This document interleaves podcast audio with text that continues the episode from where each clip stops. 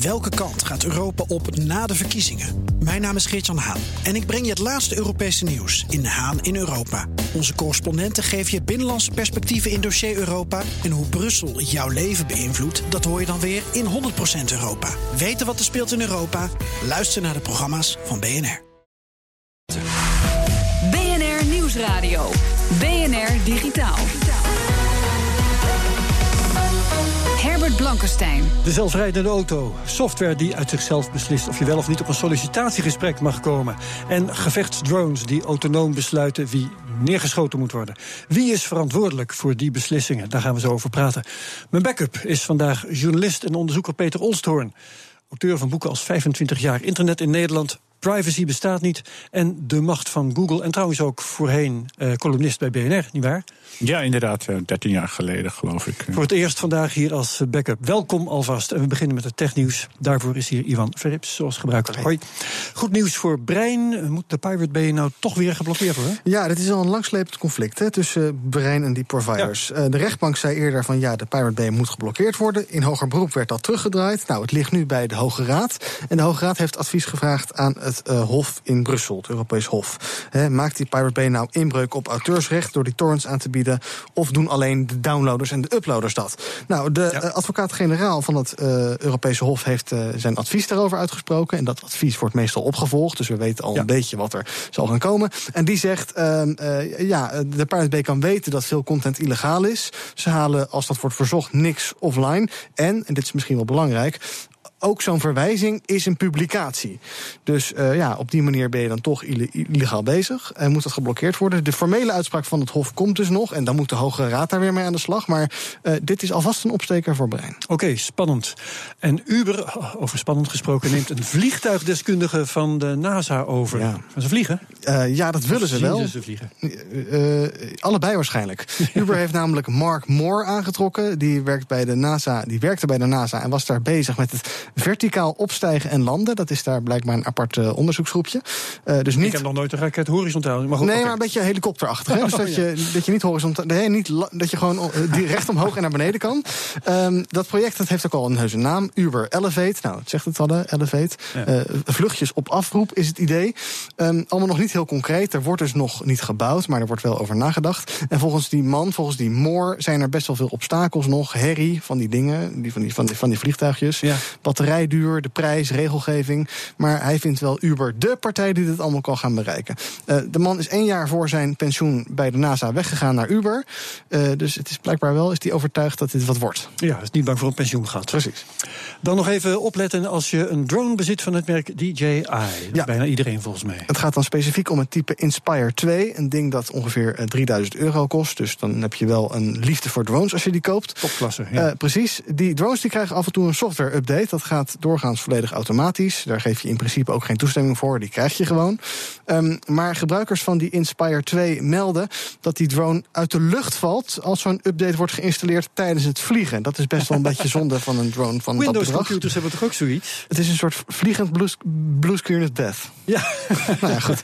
Uh, je zou dan een berichtje krijgen in je scherm waarop staat: pas op, de software in je drone en van de besturing die is niet meer hetzelfde, die is niet meer sync, doordat dat ding dus gaat updaten terwijl die vliegt. Ja. Uh, en er zijn dus mensen die rapporteren dat dat ding daarna neergevallen is. Uh, er is nog geen reactie van DJI, maar de gebruikers van die drones die raden elkaar aan om die software update maar te installeren als dat ding op de grond staat. Ja. En om dit probleem te elimineren heb je natuurlijk ook weer een software update nodig. Ja, waarschijnlijk wel, ja. ja. Dankjewel, Ivan. BNR Nieuwsradio. BNR Digitaal.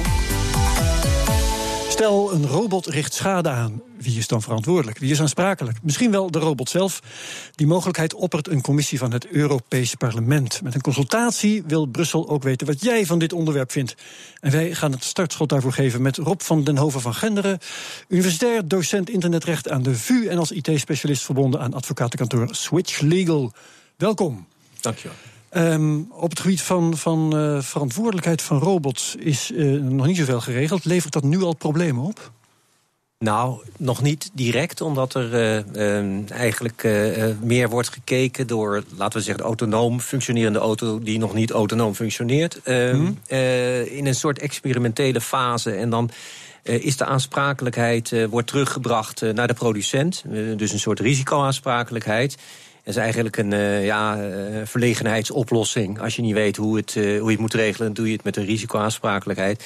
Maar er is natuurlijk ook wel nog wat voor te zeggen op dit moment. Uh, dat het in de toekomst anders gaat worden, dat is wel zeker. Dan wordt er gekeken naar waar de werkelijke verantwoordelijkheid en aansprakelijkheid ligt. En dat zijn heel veel partijen. Gaan we het nog over hebben. Um, om te beginnen, Brussel is hier dus mee bezig. Maar jij bent sinds uh, kort ook in China bezig. Ja, ja. Wat overwegen ze daar? Uh, nou, ze overwegen daar om uh, de huidige wetgeving op alle terreinen uh, eens even goed tegen het licht te houden en te kijken wat voor veranderingen eraan komen met de toepassing van ja, artificieel intelligente systemen en robots. En overwegen ze daar ook robots een eigen rechtspersoonlijkheid te geven? Nou, dat is iets wat, wat ik al aan de orde heb gesteld daar. En uh, wat redelijk positief is ontvangen. Uh, nou is de rechtspersoonlijkheid in China een andere rechtspersoonlijkheid. met andere verantwoordelijkheden dan, dan in de westerse wereld. Uh, en daarom past het misschien ook zo goed. Ja, dit is vooral, of eh, in eerste instantie, daar denk je als eerste aan. Uh, belangrijk, je het zelf ook al voor zelfrijdende auto's. Maar wat moet ik me erbij voorstellen dat een auto zelf verantwoordelijk is als hij een ongeluk veroorzaakt? Je kunt een auto moeilijk voor de rechter slepen. Nee, dat, dat probeer ik ook niet te zeggen. Afnemen. Ik, ik probeer er je aan te geven dat er heel veel partijen deelnemen in zo, aan zo'n autonoom functionerende auto. Namelijk ja. niet alleen de producent en, en zeker niet de bestuurder die geen bestuurder meer is. Eh, die gewoon uh, bij wijze van spreken dronken. Nee, dat, is, dat is dus het probleem waar we nu voor staan. Hè. Eh, als daar een ongeluk mee gebeurt, wie van die traditionele partijen, zeg maar, is, is dan de pisang? Nou, ik wou, wou dus eigenlijk niet stilstaan alleen maar bij die traditionele partijen. Ja, Oké, ga verder dan. Ja, maar alle dataleveranciers, alle informatieleveranciers die een bijdrage leveren aan het functioneren van die autonome auto. Dat zijn namelijk medeweggebruikers. Dat is de, ja, de meteorologische dienst die luchtvochtigheid doorgeeft. De infrastructuurbeheerder die de temperatuur van het wegdek doorgeeft. Nou, eh, en, en updates die tijdens het eh, rijden worden gemaakt. Zonder dat hij uit de lucht valt dus. Dat, dat zijn allemaal zaken die, uh, die de aansprakelijkheid, de oorzaak, heel moeilijk vindbaar vinden. Ja. En, en, dat, en dat betekent dus, en dat geldt ook voor andere robots, eh, die, die uh, zelfstandig gaan functioneren en die zelfstandig beslissingen nemen op basis van uh, data die ze binnenkrijgen, dat je, je moet een andere constructie vinden. Je moet een soort ja, waarborgfonds hebben, wat voor een groot deel door robots zelf kan worden verdiend. En dan uh, heb, je in ieder geval een, uh, heb je in ieder geval een terugvalbasis. Overigens zal de schade die door robots wordt, uh, wordt aangebracht veel en veel minder zijn dan als bij, bij menselijke ingrijpen. Dat is zowel door datzelfde Europees Parlement in een studie aan de orde gesteld, ja. maar ook in de Verenigde Staten blijkt dat, dat 94% in de Verenigde Staten minder ongelukken en minder dodelijke ongelukken zullen gebeuren als er gebruik wordt gemaakt van autonome auto's. Peter, uh, help eens, wat vind jij? Uh, zouden robots een eigen rechtspersoonlijkheid moeten krijgen? Nee, nu nog niet. Laat maar rustig wachten tot, uh, tot het zover is. Men wil alles uh, van tevoren regelen. Nou ja, wachten tot zover is, dat gebeurt niet vanzelf. Dat moet je toch wel als dat, mensen dat, beslissen. Dat heet de, uh, de put dempen nadat het kalf verdronken is, volgens mij. hebben daar gezegd. Nee, maar er zijn, er zijn nu nog geen diepe putten. En, er, zijn, er zijn genoeg dingen die we nu eerst moeten regelen... die belangrijker zijn, denk ik, dan, dan nou, robotica. Maar. Nou ja, natuurlijk, we kunnen bij de wereldcrisis... en we kunnen bij Trump stil gaan staan. Maar ik, ik denk dat als je, want daar hebben we het nu over... als je kijkt van wat moet er juridisch geregeld worden... bij de toepassing van uh, autonoom functionerende alter, alternatieve uh, autonome intelligente systemen... Uh -huh. dan, dan moeten we toch eens kijken wat dat voor effect heeft. En uh, dat, dat die verkenning en de eventuele aanpassing van, van wetgeving, de discussie daarover, die mag echt wel plaatsvinden. En dat, dat is inderdaad voor de meeste juristen is dat een, een onbekende weg eh, om al na te denken over veranderingen die er nog niet helemaal zijn. Maar het is wel heel verstandig om dat te doen. Want ja, dan op een gegeven moment word je geconfronteerd met uh, beslissende, beslissende systemen die rechtsgevolgen hebben. Dus in ja. beslissingen rechtsgevolgen creëren.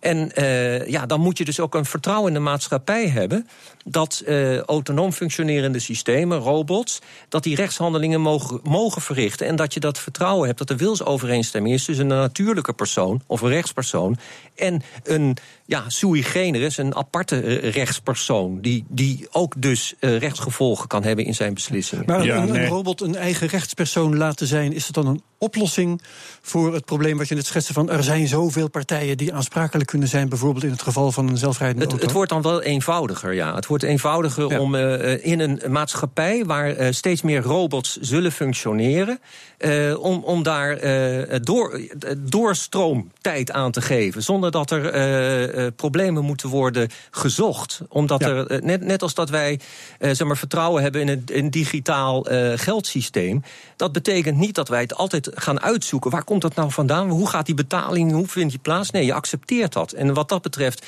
kan je daar een vergelijking mee trekken. Net als dat wij hebben geaccepteerd in onze maatschappij dat rechtspersonen, ondernemingen, organisaties ook beslissingen kunnen nemen. Ja, ja. Peter uh, jij wou ook iets zeggen of vragen? Nou, in vervolg wat, op wat ik net zei, zijn urgente problemen. Bijvoorbeeld de regulering van, van bitcoin-systemen, van algoritmes die -hmm. her en der worden gebruikt. Dat zijn veel urgente problemen, denk ik dan. Zodra we over robotica praten, praten we ook over, over toekomst. En vandaag de dag zijn er al, is al een vergaande toepassing van artificial intelligence, waar Rob alles van weet, veel meer dan ik, eh, juridisch. Ik denk dat dat wat urgenter is om daar goed naar te kijken. Nou, daar uh, ga ik helemaal met, uh, met Peter mee. Natuurlijk is het belangrijk om dat ook te doen, maar je kan het ene doen en het ander niet laten. En, en zeker als je bezighoudt met, met de huidige structuur van de toepassing van kunstmatige intelligentie, kom je vanzelf kom je dan op verdere ontwikkelingen. En daarover nadenken, uh, dat is geen, niet alleen maar uh, legal science fiction. Het is ook wel legal science, vind ik. Om, om meer na te denken dan alleen maar over de waan van de dag, ook al is die ernstig. Nog één vraag tot slot, want de commissie van het Europese parlement die dit allemaal aanzwengelt, die wil ook graag dat uh, robots een kill switch krijgen. Of in ieder geval brengen ze dat ter sprake. Dus een grote rode knop, laten we zeggen, bij wijze van spreken op de rug van de robot. Je geeft er een map op en hij is uit. Vind, vind jij dat een goed idee? Nou ja, dat, dat, daar kunnen we natuurlijk ook nog een uur over praten. Dat gaan ja, we niet doen. Nee. Uh, maar uh, ik hoef alleen maar als voorbeeld te geven dat een automatische piloot, veel, uh, dat wij daarop vertrouwen. En de rampen die ontstaan, dat is als er een kill switch door een mens wordt ingedrukt in die automatische piloot. Dus de vraag of je daar zo'n behoefte aan hebt, dat is, dat is gebaseerd op ja, eigenlijk niet bestaande menselijke controle en superioriteit. Oké, okay, bedankt in ieder geval. Uh, volgende week behandelt het Europese parlement het onderwerp plenair. En wil je je mening laten horen aan het Europese parlement op bnr.nl slash digitaal. Lees je hoe dat moet. Dankjewel, Rob van de Hoven van Genderen. BNR Nieuwsradio. BNR Digitaal. Virtual reality, nu nog tamelijk experimenteel en voor niches, maar dat gaat veranderen. Dat denkt een invloedrijk persoon in de techjournalistiek. Virtual reality, dat is natuurlijk leuk speelgoed. Iets voor games, nerds. En ach, dat wordt nooit wat. Nou, dat kan je wel eens mis hebben, denkt Kevin Kelly, een van de oprichters van Wired. Hij denkt dat VR binnen vijf jaar een belangrijk platform wordt. En dat heeft te maken met je hersenen. The thing about VR is, and, and the other version of it called MR, mixed reality, both of those um, operate on a different part of your brain than when you're watching on a screen. In demonstraties met VR gaan mensen zich soms heel gek gedragen. Zo zie je op je VR-bril bijvoorbeeld een cliff en word je gevraagd om daar vanaf te lopen. Er kan je niks gebeuren, je bent immers gewoon in een ruimte. En toch doen mensen het niet. Your knees start shaking, you're nauseous. Even while your brain is telling you, hey, you're in the same room I was in a few moments ago. The VR is working on a lower, different part of your brainstem. It's a much more primeval as part of it. When you take your VR goggle off, you remember not having seen something, but having experienced it. And that ability to get to where we feel things, get to where we experience things, is very, very powerful. Het gaat dus om het verschil tussen zien en ervaren. Kelly is al jaren bezig met VR. Hij heeft al heel veel van die headsets geprobeerd. Niet de objecten die je ervaart of de werelden die je meemaakt zijn indrukwekkend, maar vooral mensen in die beleving.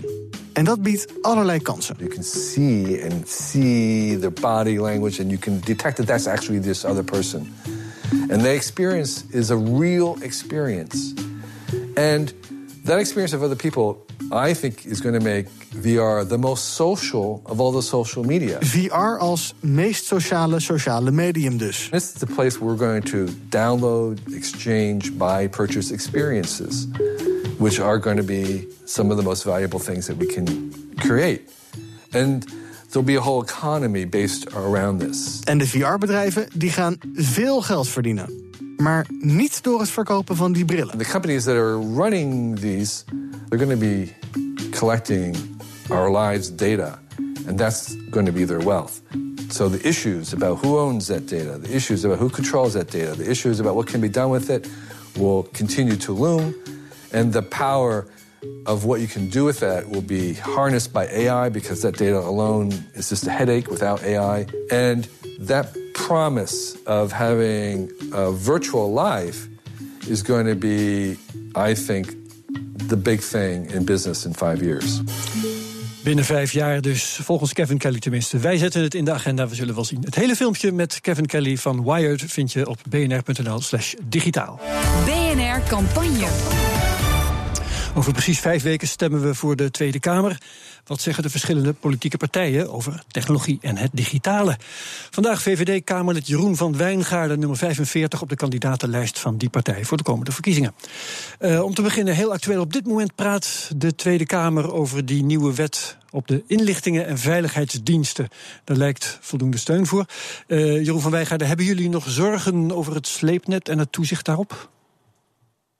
Nou ja, in eerste instantie de opmerking dat er voldoende steun voor lijkt, dat is nog maar de, de vraag natuurlijk. Want een partij als uh, D66, daarvan merken we dat we iedere keer als het gaat om wetgeving die van belang is voor onze veiligheid. Bijvoorbeeld ook het weren van uh, het afnemen van de nationaliteit van uh, jihadisten. Ja, dan geven zij niet thuis. En ook bij deze wet. Uh, zijn nu 75 minuten aan het woord. Um, is het ook alleen maar geheven vingertje. Ja, maar, maar wacht even, ik wil het graag hebben over de standpunten van de VVD, niet over andere partijen. Dus wat, wat vinden jullie van het sleepnet en het toezicht daarop? Dat was mijn vraag. Nou, wat wij constateren, wat onze diensten constateren, is dat terroristen dus niet meer alleen per walkie-talkie communiceren met elkaar, maar ook op de kabel en het internet actief zijn. En daarom is het zo noodzakelijk dat er een breed draagvlak is, ook in de Eerste Kamer, voor deze wet. Oké. Okay. Um, ook actueel zijn de verkiezingen zelf. In het partijprogramma schrijft de VVD: stemmen doen we weer elektronisch. Er zijn tegenwoordig manieren waarop dat veilig kan. Uh, ja. Vorig jaar uh, had VVD-collega Joost Taverne daar in uh, maart was dat ook wel een idee bij. Dat laat ik even horen. Nou, je ziet een soort grote tablet voor je, zo stel ik het mij voor. waar uiteindelijk je kunt aanklikken op welke partij en op welk kandidaat je wilt stemmen. Vervolgens komt er een papier uit het apparaat waarop staat waar u op hebt gestemd. En dat gaat in een, een stembus. Uh, en dat wordt uh, aan het eind van de dag machinaal geteld. En omdat het via papier gaat, was het volgens Taverne veilig. Maar stelt Taverne daar niet wat simpel voor? Want die veiligheid, dat betreft toch ook bijvoorbeeld het stemgeheim? Nou, het gaat natuurlijk om een groot goed. Die, ver, die verkiezingen die, uh, die, en de uitslag daarvan die moet boven iedere twijfel verheven zijn. Dus daarover geen misverstand. Tegelijkertijd zijn wij niet bang voor digitalisering. Biedt onze economie heel veel kansen, maar kan bijvoorbeeld ook voor het stemmen voor Nederlanders. Meer dan 100.000 Nederlanders wonen in het buitenland. Het makkelijker maken om daar te stemmen. Of stel je maar bent jullie weten toch ook dat het veilig maken van die digitale processen schreeuwend duur is. Dat blijkt afgelopen week ook weer uit uh, de kwestie rond die optelsoftware. Nou, ik zeg ook niet dat het allemaal uh, kinderlijk eenvoudig is. Maar um, wat goed zou zijn, is als we nou eens beginnen met een experiment. Uh, om dit mogelijk te maken. In plaats van dat we toch een beetje blijven hangen in het tijdperk van uh, het potlood. Terwijl we dus al naar de maan kunnen vliegen en terug. Welk experiment bedoel je dan? Nou, een experiment met uh, elektronisch stemmen. Laten we daar eens uh, rustig een begin mee maken. Dat was natuurlijk het, uh, het voorstel van, van Taverne destijds. Maar er was helaas geen meerderheid voor. Ja, oké. Okay, um, auto's worden uh, digitaal, zijn het grotendeels al. Uh, de VVD wil in wetgeving regelen dat data over mijn rijgedrag en routes eigendom blijven van mij. Dat vond ik een opmerkelijk punt uit het, uh, uit het VVD-partijprogramma. Um, geldt dat altijd en, en betekent dat dat, dat ik kan uitmaken wie die data krijgt? Ja, dat is een heel belangrijk uitgangspunt überhaupt van onze privacywetgeving. Dat ja, jouw persoonsgegevens of bijvoorbeeld van jouw kinderen, dat het heel belangrijk is dat jij ook in controle bent. Wie hebben nou toegang tot die gegevens? En, uh, en wie dus ook niet. Ja, en, en geldt dat, geldt dus ook voor je auto. Ja, uh, ik wou net zeggen, geldt dat behalve voor een auto, wat toch, toch meer toekomstmuziek is voor de meeste mensen, geldt dat ook voor mm -hmm. je gedrag op internet? Dat de data die dat allemaal genereert, dat de VVD vindt dat wij daar zelf over gaan? Het moet glashelder zijn dat als jij inlogt bij, of gaat bij een bepaalde site, dat uh, wat er dan met jouw data gebeurt. Er is bijvoorbeeld een keer gebeurd dat uh, van schoolkinderen die schoolboeken bestelden, dat daar van die leverancier van die schoolboeken, dat er allerlei gegevens over die kinderen weer werd verkocht aan een derde. Nou, die ouders hadden er helemaal geen weet van. Ja, dat kan echt niet door de beugel wat ons betreft. Ja, Peter. Ik zou toch graag willen weten, Jeroen als jij denkt dat wij de baas moeten zijn over onze data. En niet in principe, maar uit principe. Dus altijd. Dat zou wel revolutionair zijn als de VVD daarmee zou komen. Ook heel modern, denk ik. Want dat zou betekenen dat je bijvoorbeeld een eigen datakluis hebt. En met data gaat bankieren, zeg maar. Net als je nu met geld en internetbankieren doet. Denk je dat.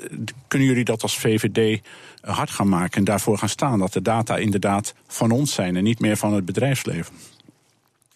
Nou, um, laten we wel eens, in mijn optiek leven nu in een soort interbellum. Een paar jaar geleden zat mijn huisarts had nog van die hangmappen en zijn uh, vrouw was de doktersassistent. Dus als het kwijt was, dan uh, nou ja, hoeft je geen zorgen te maken. Nu is het allemaal digitaal, ook bij mijn huisarts. Maar uh, nog lang niet alle bedrijven en hebben de voldoende de slag gemaakt dat jij ook echt zelf de baas bent over je data. Dus we zitten wat dat betreft nog wel in een overgangssituatie. Maar het uitgangspunt dat jij de baas bent over jouw gegevens, dat uh, onderschrijven wij. Oké, daar maakt de VVD zich hard voor.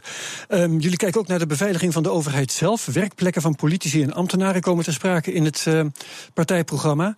En daar staat, dat is een opmerkelijke zinsnede, digitale inbraken moeten te zien zijn op het netwerk, zodat de overheid tijdig kan ingrijpen. Ik, ik, ik vond dat een beetje merkwaardig, want het, het lijkt net alsof jullie schrijven, uh, ik, ik wil een alarm zien als iemand mijn beveiliging ondergraaft. Dat, dat klopt toch niet met elkaar, zou ik zeggen? Nou ja, het gaat erom dat uh, als iemand bij jou thuis inbreekt, ja, um, dan, wil je, dan wil je daar natuurlijk ook de gevolgen, die wil je daar zo snel mogelijk van herstellen. Dus als dat onzichtbaar, als iemand onzichtbaar iets van jou ontvreemdt en je komt er pas maanden later achter dat het weg is, is het veel moeilijker om te achterhalen wie dat heeft gedaan. Dus het gaat erom dat die systemen uh, ja, zo zijn ingericht dat er ook inderdaad een alarmbel afgaat op uh, zo vroeg mogelijk. Zodat ja. je ook zo snel mogelijk kan proberen te achterhalen. Maar ik bedoel, een slimme weet dat en voorkomt dat dat gebeurt. Dat lijkt me logisch. Ja, nou ja, dat we zitten inderdaad ook in een technologische wapenwetloop met uh, nou ja, cybercriminelen. En dat is ook waarom deze regering, en dat zullen we ook verder door moeten zetten, uh, investeren in uh, expertise bij de overheid voor het bestrijden van cybercrime. Daar is ook een hele aparte unit voor ingericht en dat bouwen we ook verder uit. Oké, okay. Peter Olsson wil nog iets weten over DigiD. Ja, uh, Jeroen, er is een ontzettende discussie gaande al twee jaar over EID, elektronische identiteit, je elektronisch paspoort. Daar zou je bij winkels moeten kunnen inloggen en ook bij de overheden. Maar dus een heel gemengd breed DigiD. Dat is echt een hoofdpijndossier, daar lezen we heel weinig van. Ja. Wat willen jullie daarmee als VVD?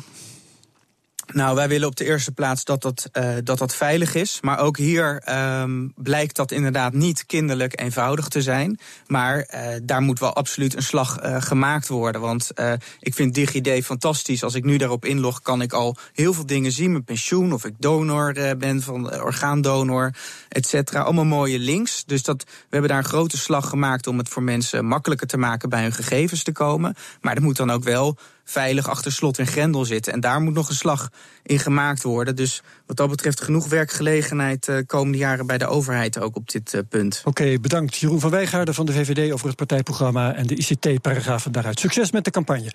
Tot zover BNR Digitaal voor nu. Peter Ostroen was mijn backup. Hartelijk bedankt. Graag gedaan. En de uitzending terug luisteren, dat kan via de BNR-app, bnr.nl slash digitaal en via de podcast en via Spotify. Graag tot volgende week. Bij BNR ben je altijd als eerste op de hoogte van het laatste nieuws. Luister dagelijks live via internet. Bas van Werven. En heel langzaam komt de zon op rond dit tijdstip. Je krijgt inzicht in de dag die komt op BNR, het Binnenhof in Nederland en de rest van de wereld. De Ochtendspits. Voor de beste start van je werkdag. Blijf scherp en mis niets.